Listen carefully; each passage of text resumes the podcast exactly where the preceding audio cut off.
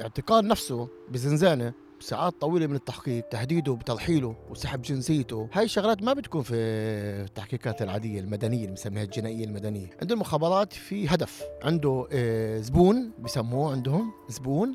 هو زبون ولازم لازم زبون هذا يشتري. وكل زيارة كان يجي علي فيها كنت أقول له بعرفش إذا أنا إذا أطلع من هنا أعرف أولادي بعرفش أنا كم هم كانوا يسمعوني كلام إحنا راح نخليك ما تعرفش أولادك راح نخليك أهبل بالشارع. فكنت أنا من حسب الضغط النفسي اللي كان فيي انام يعني أنا 32 يوم كنت عندهم يمكن نمت أنا بعضهم 8 ساعات 9 ساعات نمت ب 32 يوم 9 ساعات بس نوم كان عندي. كل ما الحالة السياسية برا تتفاقم وتتدهور أكثر الناس اللي مرقوا التجربة هذه بيثير عندهم الخوف كمان مرة إنه يمكن يرجعوا على نفس التجربة. لأن هن ما بيضمنوا كيف الأمور اللي بتصير برا التدهور كيف ممكن يترجم بعدين للشارع اليافي أو لشارع المدينة هون بالداخل وكيف هن يمكن يلاقوا حالهم كمان مرة ماشيين بالشارع وفي مظاهرات ويعتقلوا كمان إيه، يعتقلوا مرة وكأنه التجربة ممكن ترجع كمان.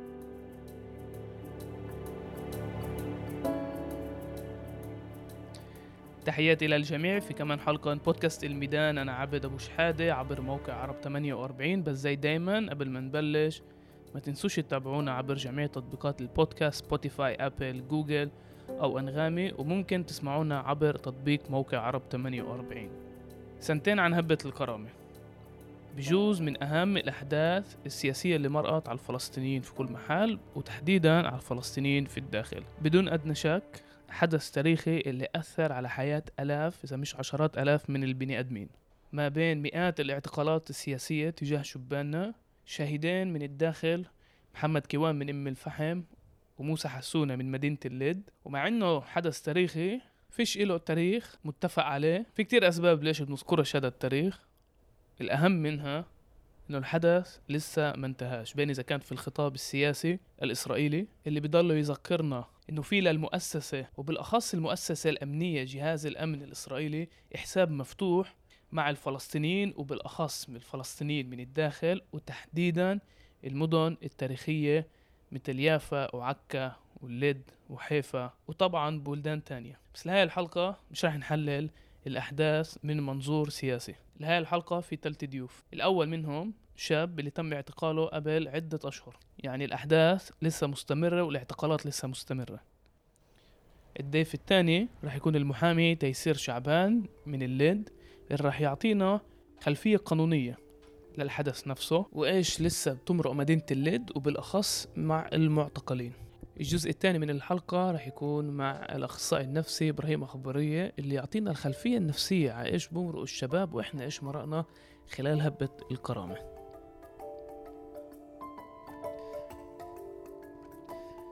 للجزء الأول من الحلقة رح نبلش مع تيسير والشاب اللي تم اعتقاله خلال الأشهر الأخيرة. بسبب تهم تتعلق في هبة الكرامة.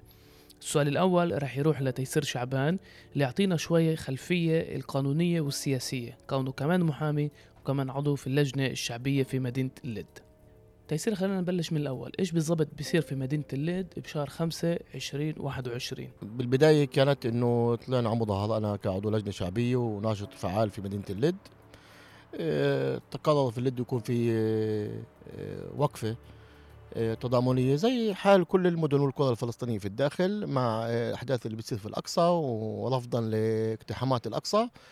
وتوجهنا للمسجد الكبير وهناك كان في وقفة والوقفة تحولت سريعا لصدام عنيف مع الشرطة وتزاحمت الأحداث ولقينا حالنا فجأة آه، في شهيد موسى حسونة نفس الليلة وكان أول معتقل يعني ما بعرف صدفة أو قدر بده هيك أول معتقل إبني في هاي الأحداث صافي. اللي هو قاصر وهو أول واحد أعتقل في الأحداث وأنا توجهت لمحطة الشرطة انشغلت معه شوي وبتبدأ تسمع شو بيصير في اللد واحداث وكذا وبعدين توجهنا لش... لمستشفى لأنه ابن أختي انطخ مع موسى والخبر وصل إنه اثنين انقتلوا من دار شعبان واثنين من عينات ثانية فأنا ما وصلت المستشفى لقيت ابن أختي مصاب ايده بظهره. موسى على طول بعد ساعة أعلن استشهاده. وهيك الأمور انفجرت في اللد فأنا لما توجهت الصبح للمحكمة لسه ما كنتش عارف شو وضع اللد على أساس إنه ابني معتقل الصبح تجيبوه على المحكمة. وبعرف إن اللد آه، آه، أحداث في كل زاوية تقريبا. لكن آه، من ناحية معتقلين ما كانش في عندي صورة إذا في معتقلين. الصبح كنا بأربع معتقلين. يعني إذا بنحكي إحنا على 11 5 8 الصبح كنا في المحكمة كان في أربع معتقلين ابني وكمان كمان ثلاثة وأطلق سراحهم يعني شيء أطلق سراح بنفس اليوم وشيء بعد يعني مدة آه، اعتقالهم ليومين أو ثلاث بالكثير. لكن آه، على طول المخابرات فاتت آه، آه، على الخط وتفاجأنا إنه إنه من الساعة من بعد الجنازة يعني بعد الساعة تنتين تلات العصر صارت الاعتقالات بالعشرات. فكان مفروض ناخذ موقف. أنا كمحامي موجود كمان في مجموعة محامين في اللد شعرت إنه إنه إنه كمية المعتقلين اولا مش ممكن أنا بشكل شخصي أو أو أو متطوع واحد واثنين يقوم بالواجب. هذا أولاً. ثانيا حالة اللد كانت بحالة إيه، إيه، إنه إنه الأهل مش عارفين وين أولادهم. كمية اتصالات رسائل على الواتساب أولاد معتقلين وين معتقلين بأي محطة شرطة معتقلين صار الاشي بده ترتيب بده تنظيم وترتيب. فتوجهت لمجموعة المحامين اللي أنا موجود فيها. بنداء مين بيقدر يساعد مين بيقدر يتطوع وتفاجأت إنه إنه وصلنا المحكمة إيه، بالليل كان في عندنا حوالي 12 محامي متطوع. وتاني يوم بعد بيوم صار في حوالي 15 محامي متطوع. وكمان شاركونا من الطيبة ومن الطيرة ومن كفر قاسم ومن محلات تانية من يافا إيه، محامين إيه، عرب كمان من القدس وكمان اتصلوا محامين من الشمال مستعدين يتطوعوا ويساعدوا. وصلنا ثالث يوم رابع يوم الاعتقالات كان في عندنا حوالي بنحكي على 100 معتقل. لآخر أسبوع الأحداث كان في حوالي 300 معتقل. تخيل إحنا في خمس ست أيام كنا المفروض نكون في في إيه، إيه، نمثل 300 معتقل. إحنا بنحكي على محاكم ال- ال- الدنيا السلام وبعدين المركزية استئنافات تطلع الاستئناف إيه، لوجيستيكا تعمل مع الأهالي مع المح... بين المحامين.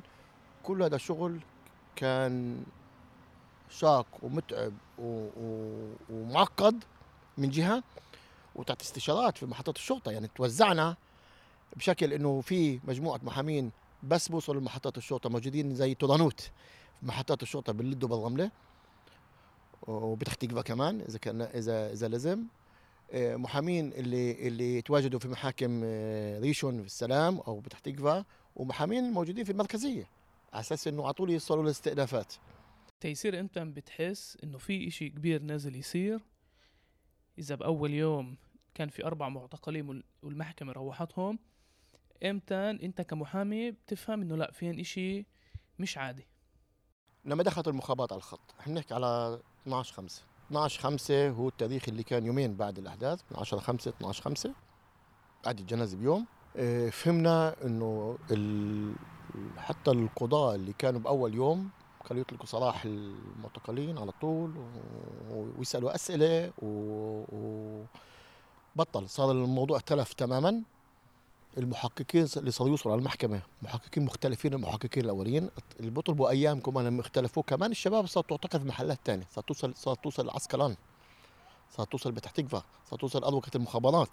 يعني إحنا بنحكي على على ملفات اللي هي إلقاء حجر. أول يوم كان يوصل ل ل يتحقق معاه محطة الشرطة الليد اللي كان اللي يعتقل ثالث يوم حتى على على على تهمة إيه، أول يوم المظاهرات أو بيوم المظاهرة نفسها كان يوصل الرملة على اليمار يعني صار مستوى أعلى من تحقيق والجدية عند المخابرات. فبلشنا نفهم إنه في حدث كبير وحدث بياخذ منحى قومي مش منحى جنائي.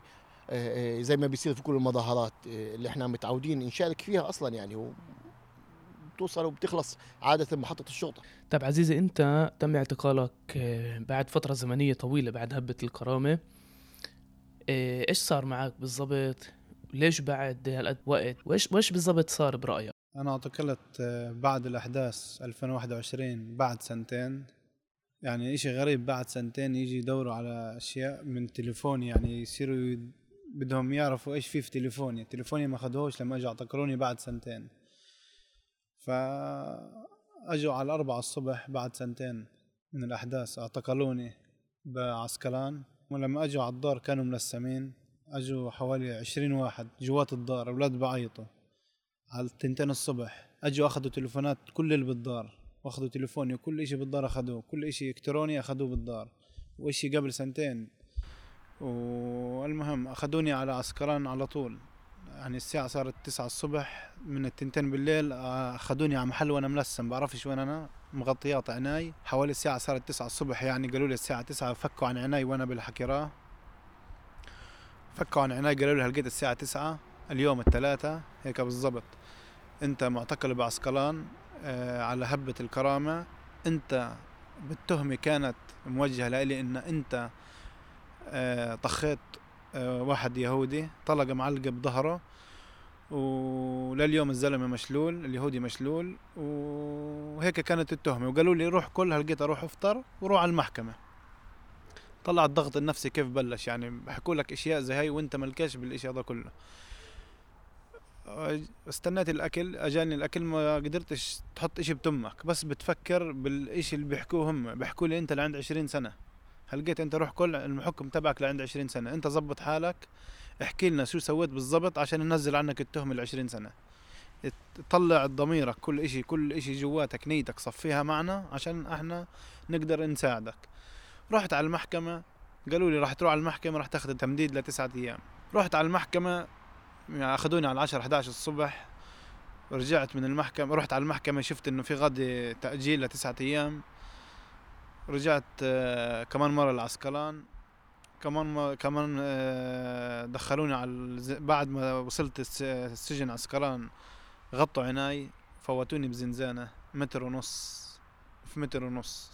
الفرشة تخبط بالحيط بالحيط الشقة الثانية فيش مجال. الغرفة الأوضة صغيرة الزنزانة صغيرة كثير كثير. خلوني هيك حوالي بعد ما جيت من المحكمة مش متريح مش موكل منيح. خلوني فيها ثلاث ساعات. ما قدرتش أنا ما قدرتش أحكي شيء. أخذوني على التحقيق أخرى دور. لما كانوا ياخذوني من الزنزانة يخش علي على الزنزانة كانوا يغطوا يخشوا علي جوا بال- بالزنزانة يغطوا عيناي ويكلبشوا إيدي لورا ظهري وياخذوني على التحقيق. ربطوا إيدي ورجلي بالكرسي وإيدي ورا ظهري. كان آه، حوالي أول يوم بلشوا معاي تسع ساعات تحقيق. بعدين تاني يوم نفس الشيء تسع ساعات تحقيق بعدين كان عندي محكمة استئناف هي تبعت يوم الخميس. أنا اعتقلت يوم ثلاثة يوم الخميس كان عندي محكمة استئناف. آه رحت على المحكمة يوم الخميس ورجعت آه من المحكمة بلش معاي بالتحقيق. ما دخلوني الزنزانة ما خلوني أتريح. نزلت من البوسطة غطوا عيناي على طول ربطوا ايدي ورجلي وقعدوني بالتحقيق. وبلش الضغط يوم الخميس بعد الاستئناف.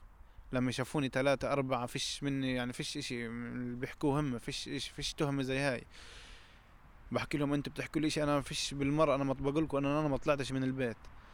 المهم صار ضغط كتير علي الزعاق والصراخ ويقربوا علي ويتفتفوا ويعني يبزقوا على وجهي ويصرخوا ثلاثة أربعة مع الصراخ الدنيا نهار كانت. الشباك تبعهم كان فاتح يعني ما كنتش أعرف لا ساعة ولا ليل عرفت إنه الدنيا نهار وبتضلوا ثلاثة واقفين جنبي قاعدين على الكراسي ملزق قريبين علي. وبس الصراخ بداني بس الصراخ بس الصراخ. ضلت هاي الحكراء يمكن التحقيق هذا ضلوا للسبعة ثمانية المغرب. بعد سبعة ثمانية المغرب حكوا لي بدنا نعمل لك فحص. بديك اب بولغراف. قلت لهم ماشي متى لقيتها مستعد أعمل الفحص؟ قالوا لي لا بدنا نعمل لك يا نشوفك كذاب ولا صادق يوم الأحد. عملوا لي الفحص على أسئلة بالمرة مش زي ما حققوا معاي. على أسئلة أكبر كثير. يعني كل سؤال إذا بتديني بواحد فيهم بدخلك مؤبد ثلاث مرات مؤبد مش مؤبد واحد. فأنا سقطت من في الفحص هذا. سقطت من الفحص هذا لأنه خوف. بعد يعملوا لي الفحص يوم أحد. جمعة سبت خلوني بزمزانة متر ونص بس أنت بتفكر بالفحص وكاتبين لك الأسئلة اللي يسألوا لك إياها. يعني أنت بس تطلع على الأسئلة بتخاف. بس تقرأ الأسئلة بتخاف قلبك بصير يدق. فأخذوني بدون حمام من يوم الثلاثاء ليوم الأحد بدون حمام. ما تحممتش وما أكلتش زي العالم عملوا لي الفحص. هذا فكانت يعني ريحة تطلع من جسمي غصب عني يعني ريحة تطلع من ثلاثة أربعة خميس جمعة وأنت بتروح محاكم وبترجع جمعة سبت جمعة سبت يعني كان أصعب أيام في حياتي كل جمعة سبت يمر علي بالتحقيق أصعب أيام حياتي بمرقش الوقت فيهن أنا بتذكر الوقت بمرقش بالمرة فيهن الوقت واقف. تخيل أنت تفكر بالجمعة والسبت وبعدين عندك الأحد. لما أجى يوم الأحد لما أجى الفحص عملوا لي الفحص بدري على 8 الصبح. ومش نايم ولا جمعة ولا سبت يمكن نمت مع بعض ثلاث ساعات. أخذوني على الفحص عملت الفحص بعد الفحص على طول قالوا لي إنك سقطت بالفحص وبلش الضغط. فبلش أنا الضغط إنه فيش منه بحكي لهم هم بيحكوا لي لأ في منه وأنت سقطت بالفحص وبلشوا معي من الساعة بعد الفحص 12 الظهر لعند الساعة 4 الصبح أول يوم. بعدين حكوا لي أنت فتحت معركة مرق أول يوم فانت فتحت معركة مع المخابرات. قلت لهم شو يعني معركة مع المخابرات؟ أنا مش فاهم. كيف بفتح معكم مع معارك وأنا بقول لكم الصراحة؟ يعني مش قصدي أفتح معارك. أنا ولا عندي ولا أي شيء بالبوليس. ولا عمري خشيت تحقيق في البوليس. يعني أنتوا كيف أنا بدي أفتح معكم معركة؟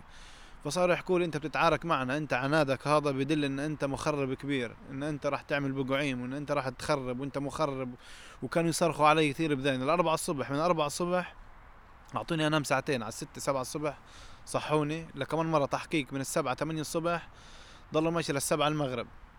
كان يومتها بلش رمضان بلش الخميس رمضان خميس جمعة سبت يوم الاثنين كان رمضان صيام وبلش معي تحقيق للأربعة الصبح من دائما يعني لمدة أسبوع.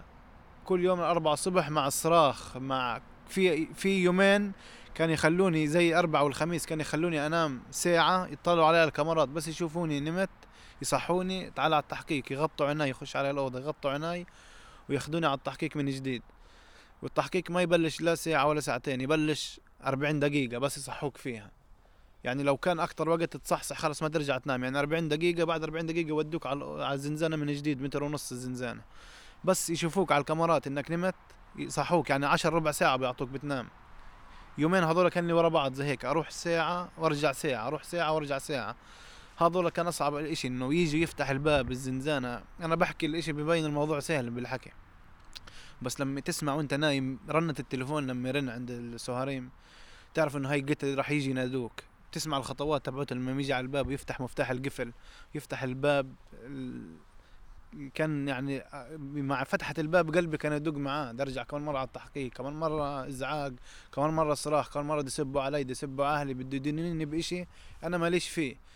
ضلك تفكر أنت بني آدم يعني عندك أولاد وعندك عيلة ماشي كل حياتك دغري ما عملتش إشي بالمرة يعني إنه يكونوا ضدي لهالدرجة. يعني أنا حكيت لهم كل شيء عندي. بدهم يحطوا لي كلام في تمي كانوا دائما يحاولوا يحطوا كلام في تمي إني أحكيه. بس أنا ضلتني مصمم أنا ما عملتش إشي بحكيش. فبلش زي هيك أسبوعين ورا بعض. كل يوم من 8 9 الصبح لل للأربعة الصبح يوميا. ما فيش حدا يقول لك قديش الساعة بتعرفش الساعة. كل واحد بيجي بيقول لك الساعة أربعة بعد ساعة أنت بتسأل كمان مرة بعد وقت تسأل قد الساعة بيقول لك ثلاثة فيش حدا بيعطيك الساعة فيش حدا بيعطيك اليوم. إلا لما تطلع المحكمة تعرف كل شيء من المحامي من اللي بيقدر يساعدك. إنه استئناف كان يساعدنا كثير نروح على المحاكم نتنفس شوي لما كانوا يعملوا لنا محكمة استئناف. هذا الإشي كان يريحنا.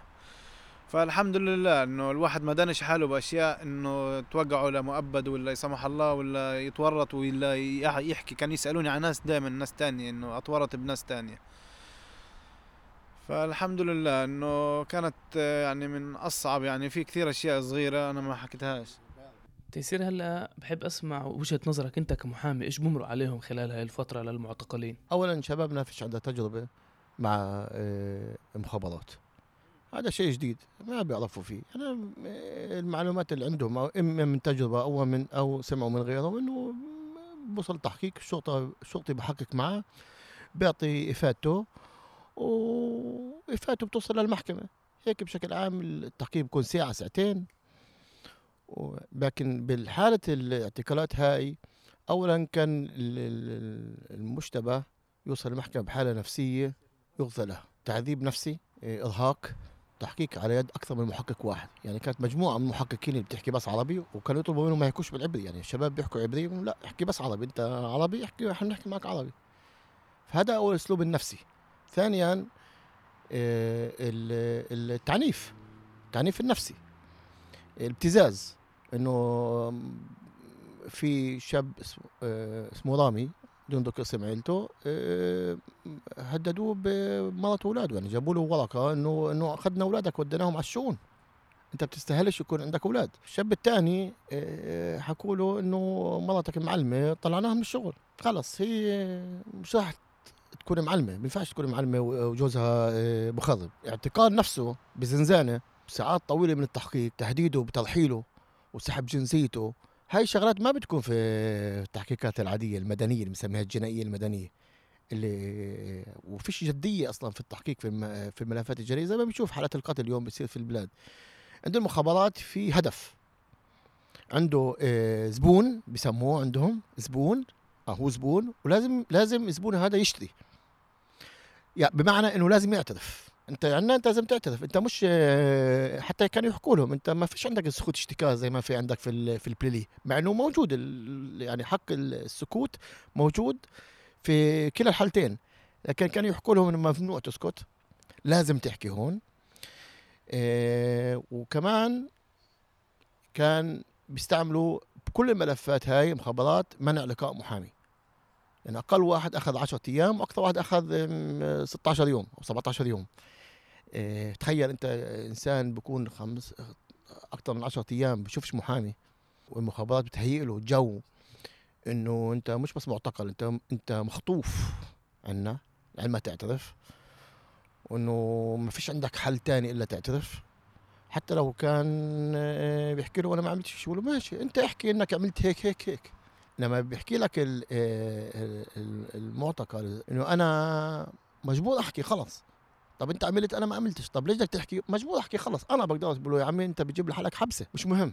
أنا الغول هذا اللي بقعد معاه بالخكيروت بديش اقعد معاه. يعني آه، بشعر المعتقل انه امام وحوش.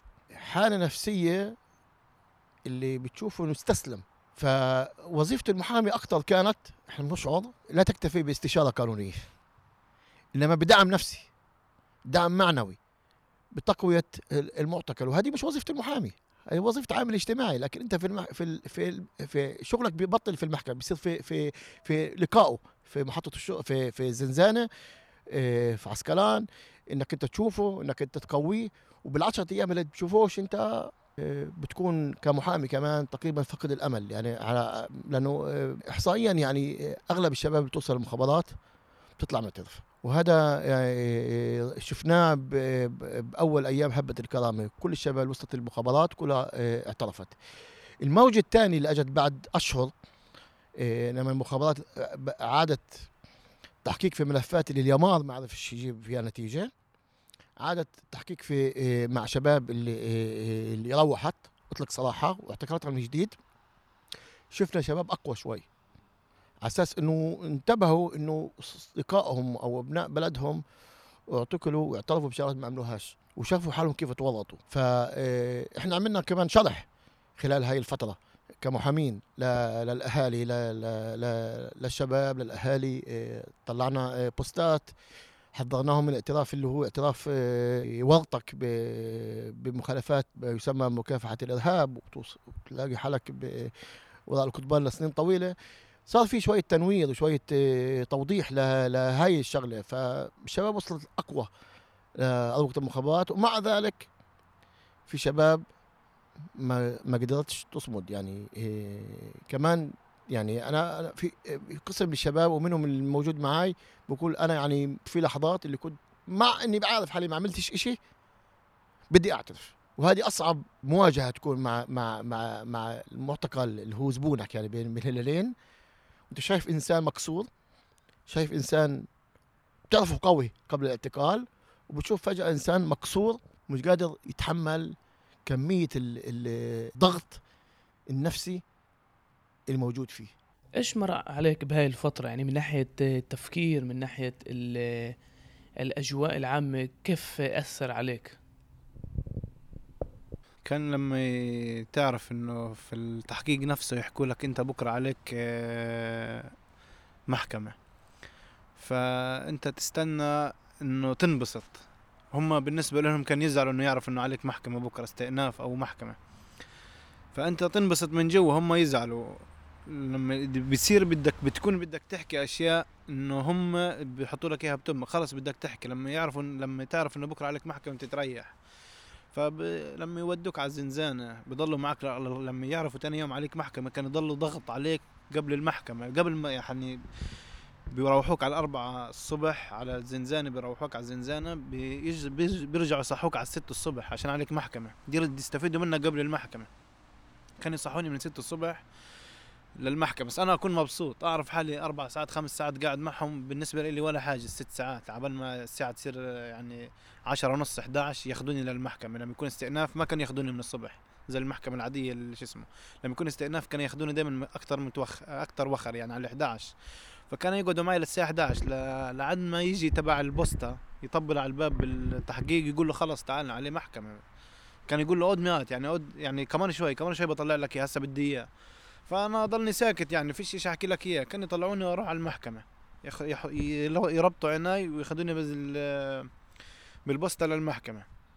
بالطريق. أنت بتطلع من خزق صغير. تشوف حالك وين رايح يعني محكمة. تعرف حالك جاي على اللد أنت تعرفش الاستئناف وين يصير. بس مع الوقت صرت أعرف. أنا أول مرة بكون بالمعتقلات. فكنت أعرف إنه حالي داجي على اللد أشوف شوارع اللد أشوف من الخزق الصغير لما أقرب على اللد أقرب على المحكمة السيارة تعمل آه، برسات تخش على المحكمة تنزل تحت أتريح خلص نفسانيا أطلع فوق على المحكمة.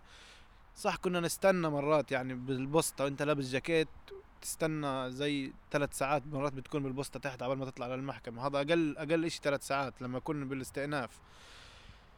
فتطلع المحكمة ما يخلوك مع مع المعتقلين اللي بيحطوهم على جنب اللي في الزنزانات اللي قبل المحكمة قبل ما تخش على المحكمة. لا كان انت أنا الوحيد كانوا يخلوني بالسيارة عشان بيحكوا انه امن دولة. انت بالامن الدولي ممنوع تكون مع مع البليليه كانوا يخلوني لحالي.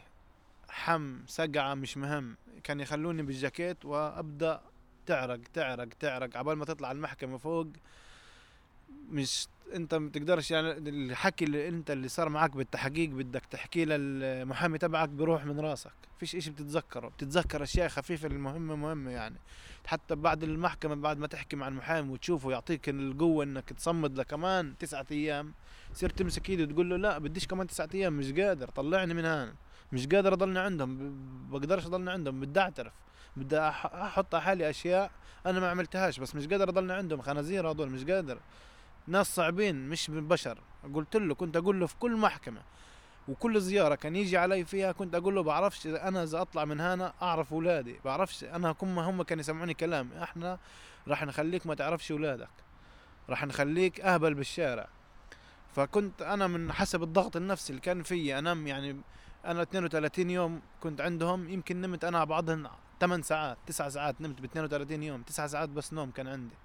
فيش نوم بالمرة. بعد ما روحت من ال من الزن من الزنازين. قعدت أسبوع بس أنام ساعة. مش قادر أنام. ساعة بس أنام. فكان هذا ضغط نفسي علي. كنت دائما أحكي للمحامي في كل محكمة. أقول له أنا بعرفش إذا أطلع عاقل. أنا بعرفش إذا أطلع بني آدم عاقل. فكان يقول لي اصمد. اصمد. اصمد. فيش يعني فيش إشي غير. إذا بتحكي بتنسجن. اصمد. 35 يوم بتروح. اصمد. يعني كنت عارف إنه 35 يوم وكان انصعابات تقدرش تصمد. في ال... هم بيخلوا لك الوقت. يمشي ومو بوقفوا لك الوقت. لما يخلوك بالزنازين الوقت بيمشيش. بتصير تطبل على الباب بس بتصير بدك تطلع تشوف آه، حدا يحقق معاك. بتصير تشتاق حدا يحقق معاك. بس يبدأ يحقق معاك بصير بدكش اياه يحقق معاك. بتصير بدك تنام بس بدك تنام لو ساعة. ما أنا خلص. بعد وقت بتصير تكتفي بساعة. وكان قبل كل محكمة دائما يعملوا لنا زي ترقليم يعني يوقعوك بفخ يحطوا عندك واحد بالأوضة. في الزنزانة يناموا جنبك واحد تخاف تحكي معاه تخاف تسلم عليه يبدأ يقرأ دروس الدين تخاف منه البني آدم فيش أمان تصدقش حدا يعني. يعني المحامي كان يوصيك دير بالك تح- تحكي أي إشي إيش عملت ولا إيش ما أنت مش عامل إشي بس يعني أي إشي تحكيه يورطك. فاي حدا كان يجي على الأوضة حتى تحكي معاه ما تحكيش معاه ما تتسلاش مع حدا. كان لون الأوضة مخيف الأوضة كان عندنا لونها زي سكني وفيها حجار الحيط. فكان رسومات على الحيط أشياء بتخوف يعني. هذا كله بيعمل وجع نفسي. وكان المكيف دائما شغال على أزقع إشي وبيعطوك بطانية واحدة بدون مخدة. بتنام على الأرض. بفرشة رقيقة رقيقة. بتنام فيها على الأرض. والحمام قبالك متر ونص في متر ونص. أنا بحكي لك والأوضة ثلاجه ثلاجه بتقوم على ال... بنام بالجاكيت كنت كنت بنوم بق... لما كانوا يصحوني على التحقيق ياخذ لي نص ساعة 40 دقيقة بس أبطل أرج يعني من السقعة أكون بس وأنا رايح عليه برج مش قادر أمشي. برج مربط إيدي ورجلي مربطات بقعد على التحقيق على الكرسي ويفتح لي المكيف في التحقيق كمان. يفتح لي المكيف وأنا برج. أترجاه إنه يسكر المكيف ما يردش. بس بعد لما عرفت إنه بحكي كل إشي للمحامي المحامي بوجهه للحاكم صار يخففوا علي. يعني كنت أول وأنا بالتحقيق بالليل كنت أقول لهم بدي أشرب مية. كانوا ما يعطونيش أشرب مية. لما صرت احكي للمحامي إنه بيعطونيش أشرب مية بي- بيسقع علي بيعذبوني بيعملوا لي بيصرخوا علي بتفوا علي. لما صرت احكي لل... بعد وقت صرت احكي بعد 16 يوم 17 يوم صرت احكي ما كنتش أعرف من الأول فكرت إنه هم دول خلص هم مسموح لهم كل شيء كنت مفكر. هيك بال- بال- بالبداية. ولما المحامي صار يقول لي شو بيصير معك احكي لي كل شيء بيصير معك صرت شوي شوي أحكي له. كان يحكي لل- للحاكم شو بيصير مع البني آدم هذا أرجع أشوف متغيرين. حتى في محكمة آخر مرة شكيت عليها للسهريم اللي بيعملوني. كانوا يدزوني في الليل كانوا يعملوا لي يخشوا علي بالليل لما على السحور ياخذوا مني الأكل. كانوا يعملوا لي زي أشياء بتخوف هم خاشين علي على الأوضة يفتحوا الزنزانة ويا- ويتهبلوا علي ويحطوا إيديهم على راسهم ويعملوا لي أشياء بتخوف لما ياخذوا الصحن. أنا طالع عليهم بنص عين. أكون مش نايم يعني مش نايم بتنامش. بس هم كانوا لما يحطوا لك الأكل بياخدوش الأكل مرة واحدة. كان بس لما تيجي تنام يجي يفتح الباب ويجي ياخذ منك الأكل على طول. يخش جوا عندك على الزنزانة وياخذ الأكل. ما يخلوكاش تنام. وجع نفسي كان كل الوقت. ويسمعوك كلام من برا من الزنازين إنه هذا البني آدم راح مؤبد ومش شيء راح يساعده حرام مسكين وشيء زي هيك.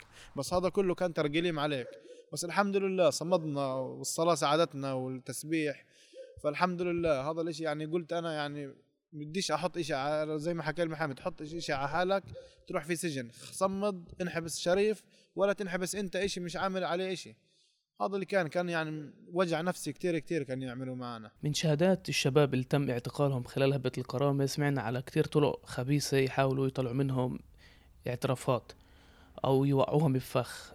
إيش جربوا معك أنت؟ أول قبل ما جدة. كنت أنا بالسجن ب... كنت أنا بعسقلان من عسقلان بالتحقيقات أخذوني على عوفر أخذوا معي واحد من غاد وودونا على مجده بالطريق لمجده لفوا علي على محكمة. قالوا لي عندك محكمة. ما كنتش عارف إنه علي محكمة. محكمة استئناف. هذا يوم المنع الأول ليله بعد 14 يوم بصير عندي منع. صح؟ بعد 14 يوم بصير عندي منع.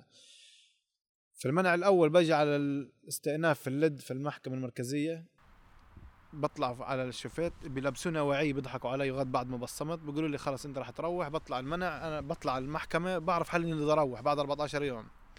بطلع المحكمة ال- بسمع المحامي تبعي بيحكي أنا مش موجود بقول للي معي إيش في ليش أنا بحكيش؟ قال لي لقيتها بتعرف نعرفش شيء خليك ساكت تحكيش. أنا مكلبش يدي ورجلي ولابس أواعي العادية مش أواعي البني اللي كانوا يلبسوني إياها من الأمن. بعدين بخش على المحكمة.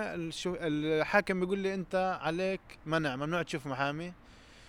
فبدك إشي تضيف تحكي للمحامي؟ قلت له بس إنه بدي أشوف محامي ليش مره واحدة عندي منع؟ أنا كان لي 14 يوم بدون منع ليش لقيت عندي منع؟ قال لي بنعرفش يوم الأحد عندك محكمة هذا كان يوم اربعاء يوم الأحد عندك محكمة بتفحص هذا إذا بيضل المنع ولا لا. أنا هذا اللي علي أقول لك إياه بدك تضيف شيء قلت له لا بديش أضيف شيء بس. واخذوني على مجده في الطريق لمجده معي واحد من عوفر أخذوه. هذا من عوفر بيبدا يفهمني إنه في في مجده أنت رايح على سجن عادي مش زي اللي كنت عنده بكيشون في الجلمة إنه غاد عصافير وهيك. هنا فيش عصافير لازم تحكي كل قضيتك لأنه غاد في تليفونات وفي أشياء لازم أنت رايح على سجن عادي لازم تعترف كل إشي صار معك عشان هم كمان من جوا بيساعدوك. أنا قلت ماشي وصلت وصلت مجده خشيت.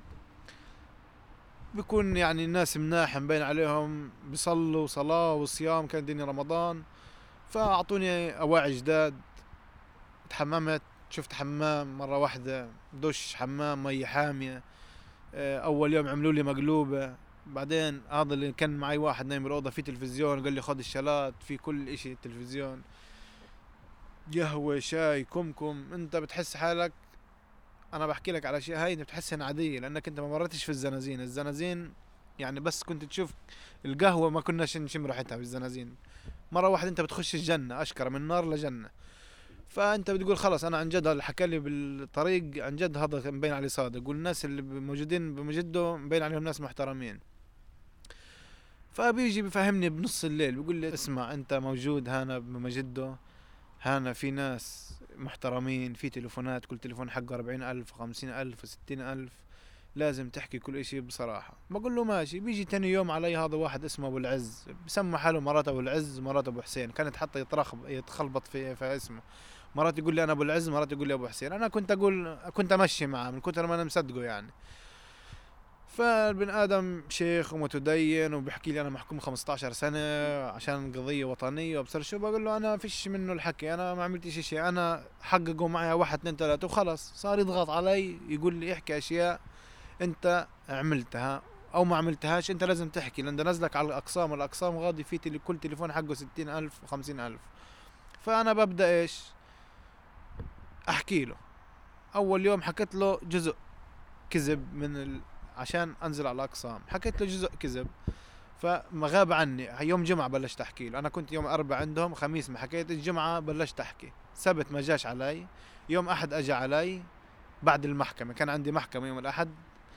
رحت جيت من المحكمة قال لي أنا بعرف كل شيء صار وبعرف مين فتح عليك الباب في المحكمة وأعطاني الأسامي وحكيت مع مع الناس مع المحامية تبعونك والمحامية تبعونك حكوا لي إنه المحامية تبعونك حكوا لي إنه في اثنين معتقلين وأنا ما بعرفش قالوا في اثنين معتقلين أساميهم هيك هيك من عيلتي طلعت عن جد هذا بيعرف أسامي عيلتي. ومرة واحدة صار يقول لي احكي لي كل شيء عشان ما يجيبوش من ناس معتقلين وعشان اوصلهم المعتقلين في عسقلان يعرفوا شو أنت حكيته وشو هم حكوا.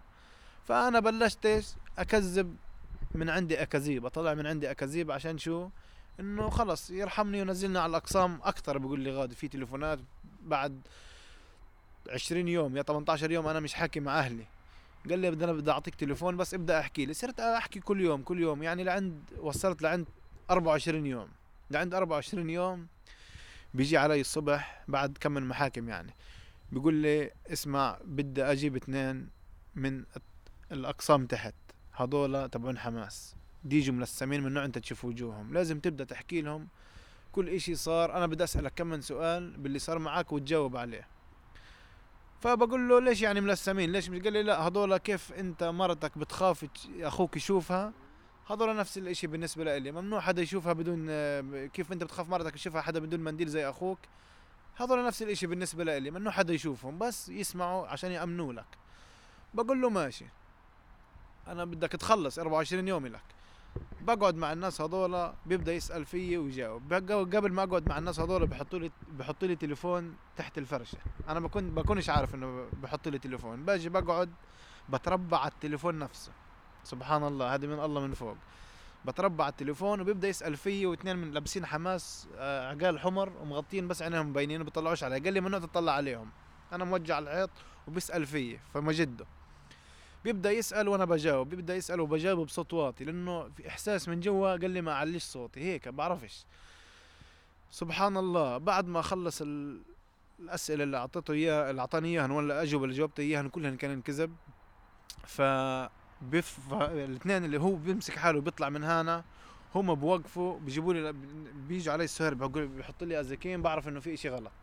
الاثنين اللي بوقفوا بيقوموا على راسهم ببينوا مين هذول. اللي كانوا يحققوا معي في عسكلان بيقولوا لي لقد وقعت في الفخ. انت حكيت كل إشي بالضبط متطابق كلامك. أنا على المحل قلت له مش كلامي مش متطابق بالمرة مع أي حدا. هذا كله كذب عشان أنزل تحت على الأقسام ويعطوني تليفون أحكي مع أهلي.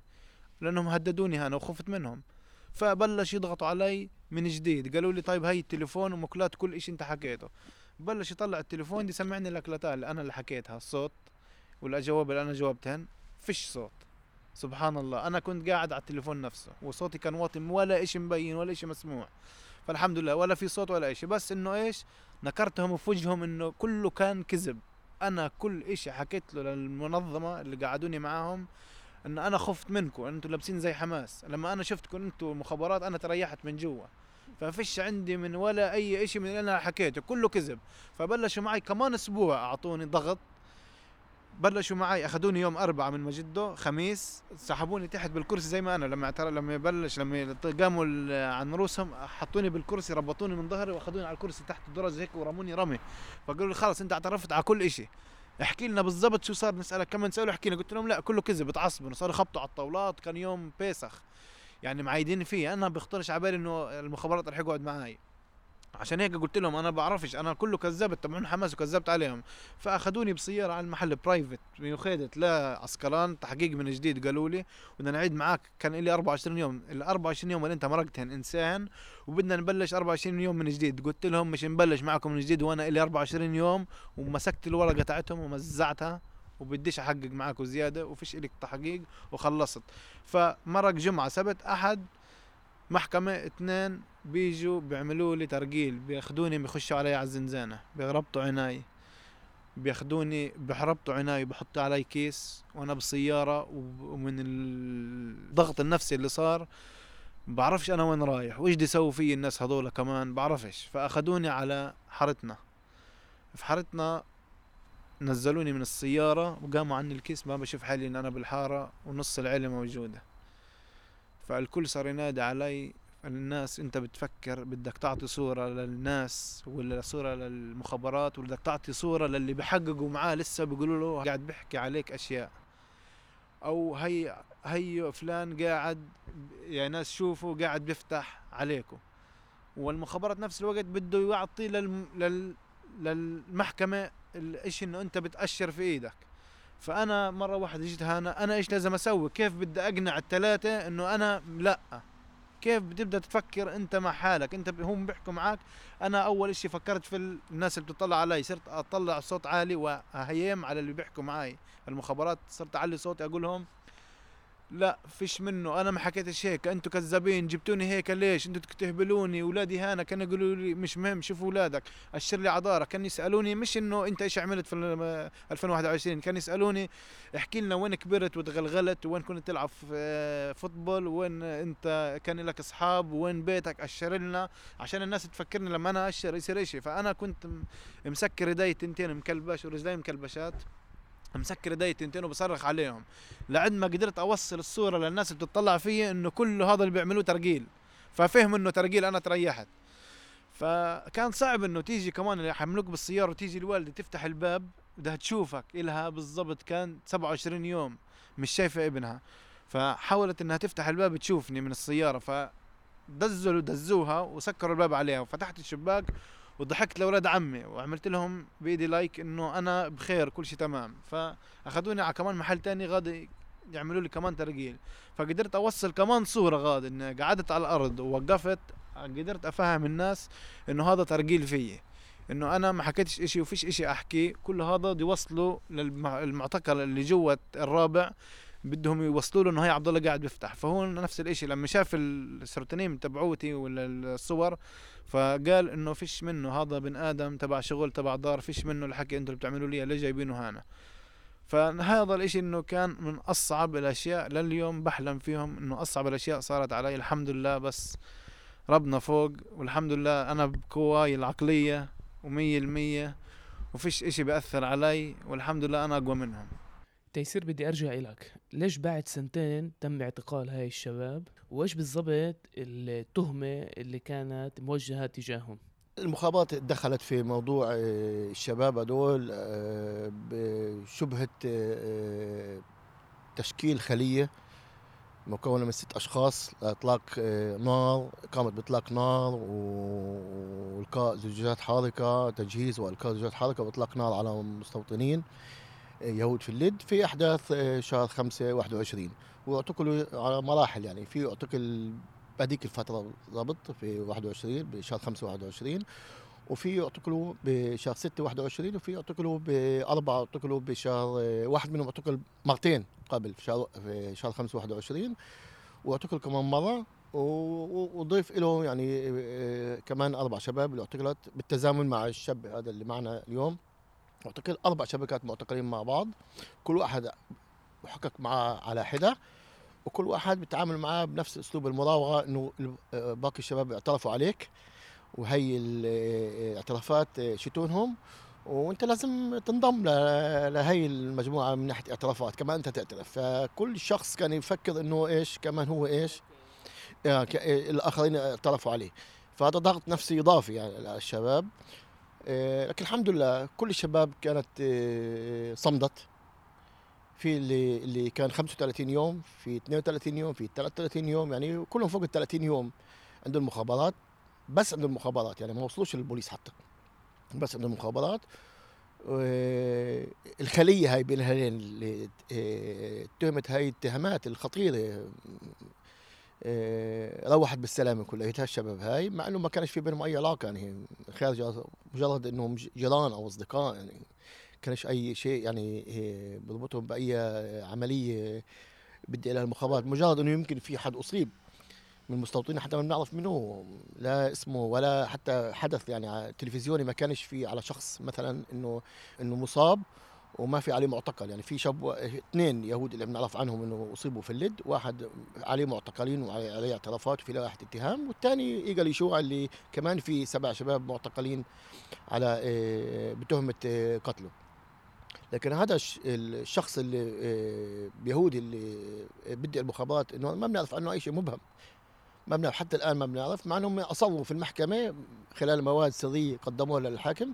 إنه في شخص آه، آه، مصاب وصار مشلول وهذول الشباب هم المتهمين بإطلاق النار عليه لكن بالنهاية كل الشباب هي روحت وكلها حاملة نفس الرواية نفس التعذيب النفسي آه، نفس التحقيقات التعذيب النفسي الجهاد الإرهاق الإهانات التسفيه الابتزاز. كل هاي مروا فيها. ونحمد الله إنه روحوا بالسلامة مع إنه أنا متأكد إنه كل هاي شباب مع إنه يعني انها بتقول إنها قوية وانها استطاعت إنه تمر المرحلة هاي. أنا بشك أنا بظن انهم بحاجة لعلاج نفسي ومتابعة نفسية لأنه بالنهاية هذا له تأثير كبير على حياتهم. لبعدين لأنه بنحكي على شباب عاديين مش الشباب اللي عندهم آه، تجربة جنائية. وزي ما شفنا الشاب كيف حكى يعني الطريقة اللي حكى فيها في بداخل آه، بداخله في جرح في جرح وفي عقدة اللي لازمها متابعة نفسية آه، فيش عندنا هاي القطب للأسف. فيش عندنا هاي الأطر اللي اللي بتدخل وبتساعد لأن هاي الأطر الموجودة اليوم مؤسساتية اسرائيليه ما بتعترف آه، بالعكس هي بتتهمهم إنه هم ما زالوا متهمين آه، بعينين هاي الأطر إنهم مخربين مع ذلك إحنا في اللجنة الشعبية في اللد آه، تحملنا مسؤولية.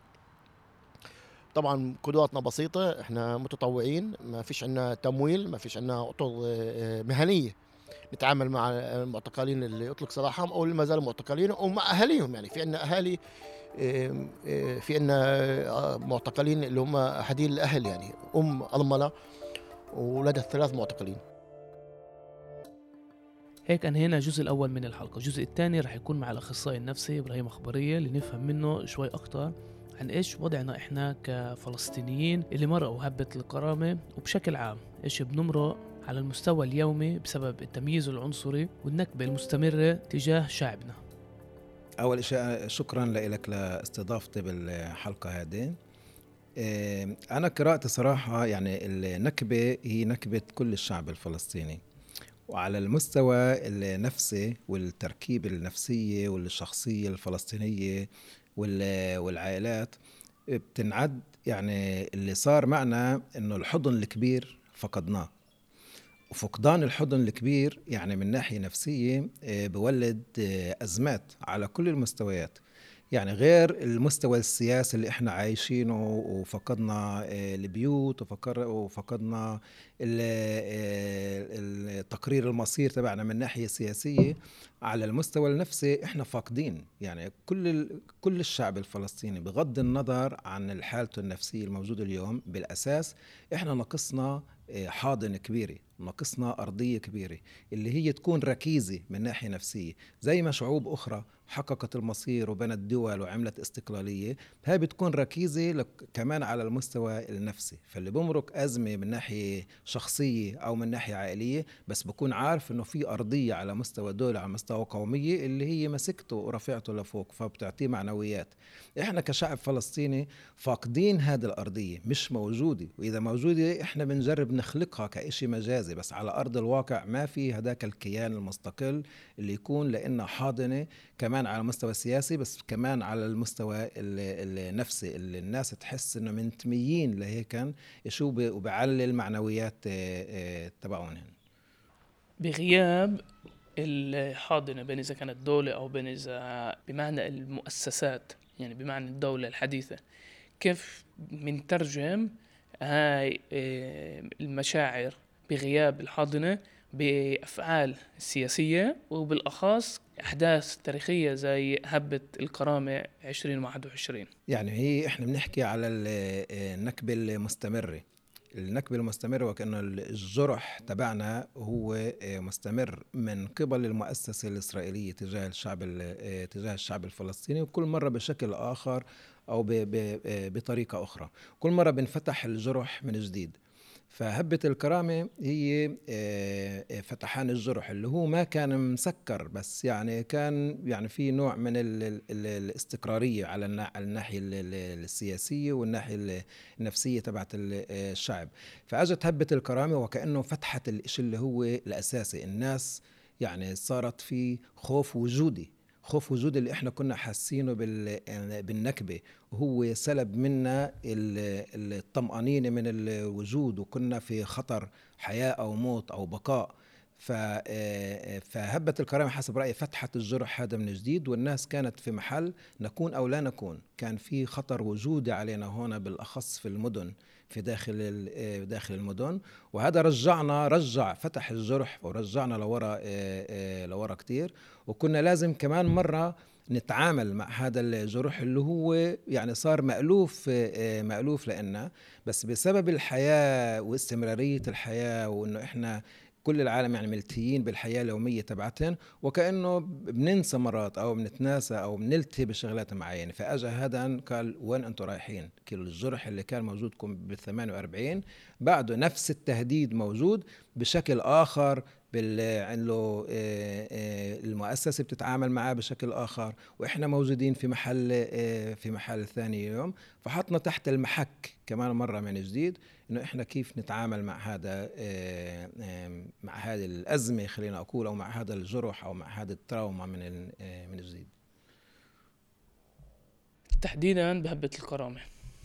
اللي اللي تميزت بالعنف زي ما أنت ذكرت في داخل المدن الفلسطينية يافا اللد عكا حيفا. شفنا العنف اللي عادة متعودين نشوفه في صور من الانتفاضة الثانية شفنا حد البيت آه، كمية الاعتداءات من الشرطة على الشباب بالذات وعلى البيوت كانت بشكل يومي.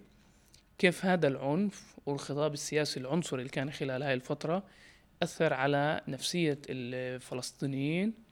آه، وإيش ضل معهم حتى بعد ما انتهت حبة الكرامة؟ يعني أنا آه، بعتبر آه، في أنا مقولة السيف ذو حدين. بفكر إنه الإشي اللي كان أو التطور اللي كان يعني أول شيء أثر علينا كثير من ناحية ضرر. يعني كيف حكيت بالأول إنه إحنا كنا في محل خطر في الحياة. بس هو من وين أجى الخطر؟ وكأنه أنا حسب رأيي كمان آه، المؤسسة اتفاجأت كثير من آه، استحضار الهوية الفلسطينية في المدن هذه يعني بعد ما كان آه، وكأنه افتراض مبيت إنه الهوية الفلسطينية بالمدن هاي اللي بسموها المدن المختلطة ما في له حضور ومش قوي وردة الفعل تبعتهم مش متوازية لردود الفعل للشعب الفلسطيني في كل محل فكانت في مفاجأة إنه إحنا حضرنا الهوية الفلسطينية مع الجانب السياسي تبعها بقوة وبالنسبة لهم باستفزاز في داخل الحيز العام تبع تبع المدن. بفكر هذا خلى يعني ردة الفعل تكون وحشية أكثر كمان من قبل الشرطة الإسرائيلية وتقمع كل شيء اسمه تحرك بهذيك بهذيك الفترة. وكمان آثار جهات اليمين اللي هي استوحشت وأخذت الضوء الأخضر اللي سمحت لنفسها إن هي اللي أكثر رجعتنا للنكبة. إحنا على قمع الشرطة في المدن متعودين طول سنين الشيء الجديد كان إنه آه، قطعان اليمين أخذوا الضوء الأخضر من من الشرطة وهن اجوا وكانه بدهن يحطونا في خطر اللي هو وجودي هن تهجموا علينا بشكل جسدي على الجسد تبعنا وعلى الحضور تبع الحضور تبعنا. فهذا كان التفاقم. هلا ليش بقول إنه سيف ذو حدين؟ لأنه ال ال أنا كأخصائي اجتماعي وكمعالج بعرف إنه فتحان الجرح التراوما من جديد يعني هو صح برجع الشخص لورا وبرجع له الإحساس بالألم بدرجة كبيرة. بس كمان مرات بيعطيه فرصة إنه آه، يسترجع كمان مرة الحدث ويقدر يعني آه، يتعلم منه بالمعنى إنه آه، تعزيز شغلات معينة ما كانتش معززة من قبل. إنه على أساس يقدر يتشافى منها. فأنا بحسب رأيي هذه كانت فرصة لتعزيز الانتماء الفلسطيني بالأخص عند الشباب الصغار والشباب اللي بالمدن اللي إحنا كنا متأكدين إن هن ملتهيين في تعليمهم أو موجودين في الشوارع أو موجودين في بالشبكات الاجتماعية وإنه الهم الفلسطيني مش مش شاغلهن واجى هذا عشان كمراه اللي تعكس لإلهن وتعكس لنا إنه لأ إنه عن جد الحضور والانتماء والتواصل بين المجتمع الفلسطيني بالمدن لبين الهوية والانتماء الفلسطيني هو بدرجة اللي هي فاجأتنا فاجأتنا إحنا وأكثر مما نتصور. خلال حبة الكرامة وأشهر وحتى سنين بعد حبة الكرامة كان مئات من الاعتقالات للشباب ولوائح اتهام. ومن الاعتقالات كانت على يد المخابرات. ومن شهادة الشباب واضح إنه مرقوا تعذيب نفسي. كيف هذا التعذيب اللي بمرقوه الشباب في اعتقال المخابرات بضل معهم حتى بعد ما يتحرروا حتى وحتى لو مدة الاعتقال كانت قصيرة يعني شهر زمان جمعتين أو ثلاثة. طلع عبد إحنا شعب يعني بدور إنه يعيش. يعني البساطة تبعت الحياة تبعته إنه هو يدور إنه يعيش بكل طول الوقت إنه يدور على السلامة تبعته ويبني عيلة ويكبر ويعيش بسلام وطمأنينة ومع حضارة وثقافة. هذا كان اللي يميزنا كمان بال 48 بفكر إحنا هيك شعب إحنا طول الوقت هلأ من وقت ما قامت الدولة كمان لهلأ إحنا العرب هون بشكل عام الفلسطينيين بشكل عام وكمان هون بالداخل إحنا يعني جزء من حياتنا هو بقائي وكمان نطور حالنا وندور وندور نعيش. فالاعتقال والسجن إحنا يعني هذا ما بلائم إنه إحنا بندور على الحياة السليمة. هاي من جهة. من جهة ثانية إنه آه، إذا في اعتقالات اعتقالات جنائيه بتكون. الاعتقالات الجنائيه عند يعني فئة معينة من المجتمع معروفه ومألوفة لأنه كمان هاي بسبب التركيبة الاجتماعية تبعتنا. يعني في جزء من المجتمع اللي هو تدهور لهذا آه، آه، لهذا المحل.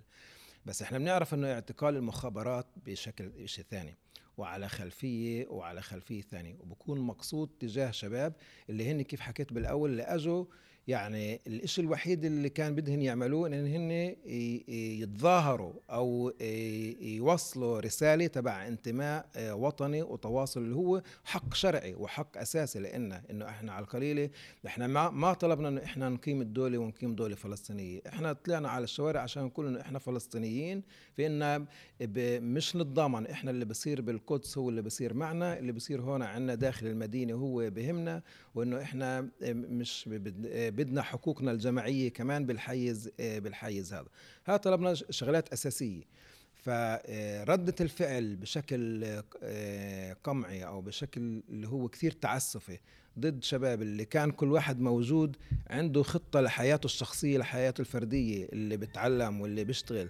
تيجي تقطع الحياة تبعته هاد بس لأنه أبدأ الرغبة تبعته إنه يتظاهر وتدخله في دهاليز الغرف اللي هي مش معروفة له أو اللي طبعا بنصدم. هذا متعود ينام بين أبوه وأمه في في في بسلامة وبطمأنينة. فالشيء يعني شكل تهديد على ال على الطمأنينة وعلى الأشياء الأساسية تبعت الحالة النفسية. وحتى إذا الشخص أخذوه ليوم يومين وطلعوه يعني بظل التجربة هاي بترافقه آه، آه، بترافقه كل حياته. وكمان آه، تنساش إنه الأغلب كمان كانوا موجودين لفترات اللي هي طويلة. وطرق المعاملة تبعتهن بشكل عام بتعذيب المخاطر. هذا إشي معروف في الأدبيات اللي هي معروفة على الناحية المهنية. إنه اللي بيهتموا إن هن يضغطوا بشكل نفسي الأشخاص علشان يجيبوهن لمحل اللي هن يعترفوا وياخذوا مسؤولية على أفعال اللي هن حتى يمكن ما عملوها. فبسبب هيك بتعرضوا لضغوطات نفسية كثير كبيرة من ضمنها منع النوم ومن ضمنها إنه التحقيق لساعات كثير إيه، كثير طويلة ولا إيه، تمديد لأيامات اللي هي ما بكونش في لزوم إن هن يكونوا متواجدين داخل داخل المخابرات. فهذا يعني في الشك إنه إيه، بيؤدي لمشاكل نفسية كثير كبيرة. وكمان مرات كثير بيؤدي لمشاكل داخل ال- العيلة. لأنه صراحة كل حدا بده مستقبل جيد آه، لابنه. ووقت الإشي بوصلنا إحنا على آه، على البيت إنه ابنك انحبس أنت كمان بتفوت على حالة آه، نفسية غير مستقرة. لأنه بالنسبة لك إنه هذا بيهدد المستقبل الفردي تبعه والشخصي تبعه. فهون بصير في ضغط في كثير ضغوطات كانت من من الأهل يعني وطلعوا إنه في غضب على ابنهم انت ليش خربت المستقبل تبعك؟ لأن بقول لك إنه بالأول إحنا شعب عن جد بده يبني مستقبل وبده يعيش في طمأنينة. فهون بصير في يعني نوع من ال ال التوترات والاحتكاكات مش كل الأهل في عندهم القدرة إن هن يقدروا يحتوا أزمات عن هالشكل آه، آه، بالداخل.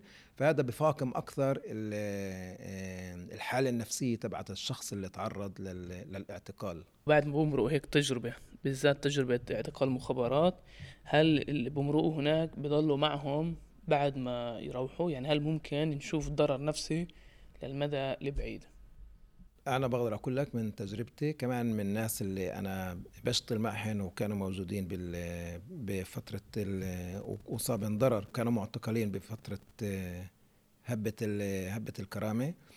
طلع إحنا اليوم مثلا آه، إمبارح إسرائيل اعتدت على على غزة وإحنا صبحنا اليوم وكأنه في خطر إنه تكون آه، كمان آه، لفة تبعت تبعت حرب. الحالات السياسية كل ما الحالة السياسية برا تتفاقم وتتدهور أكثر. الناس اللي مرقوا التجربه هادن بيثير عندهم الخوف كمان مرة إنه يمكن يرجعوا على نفس التجربة.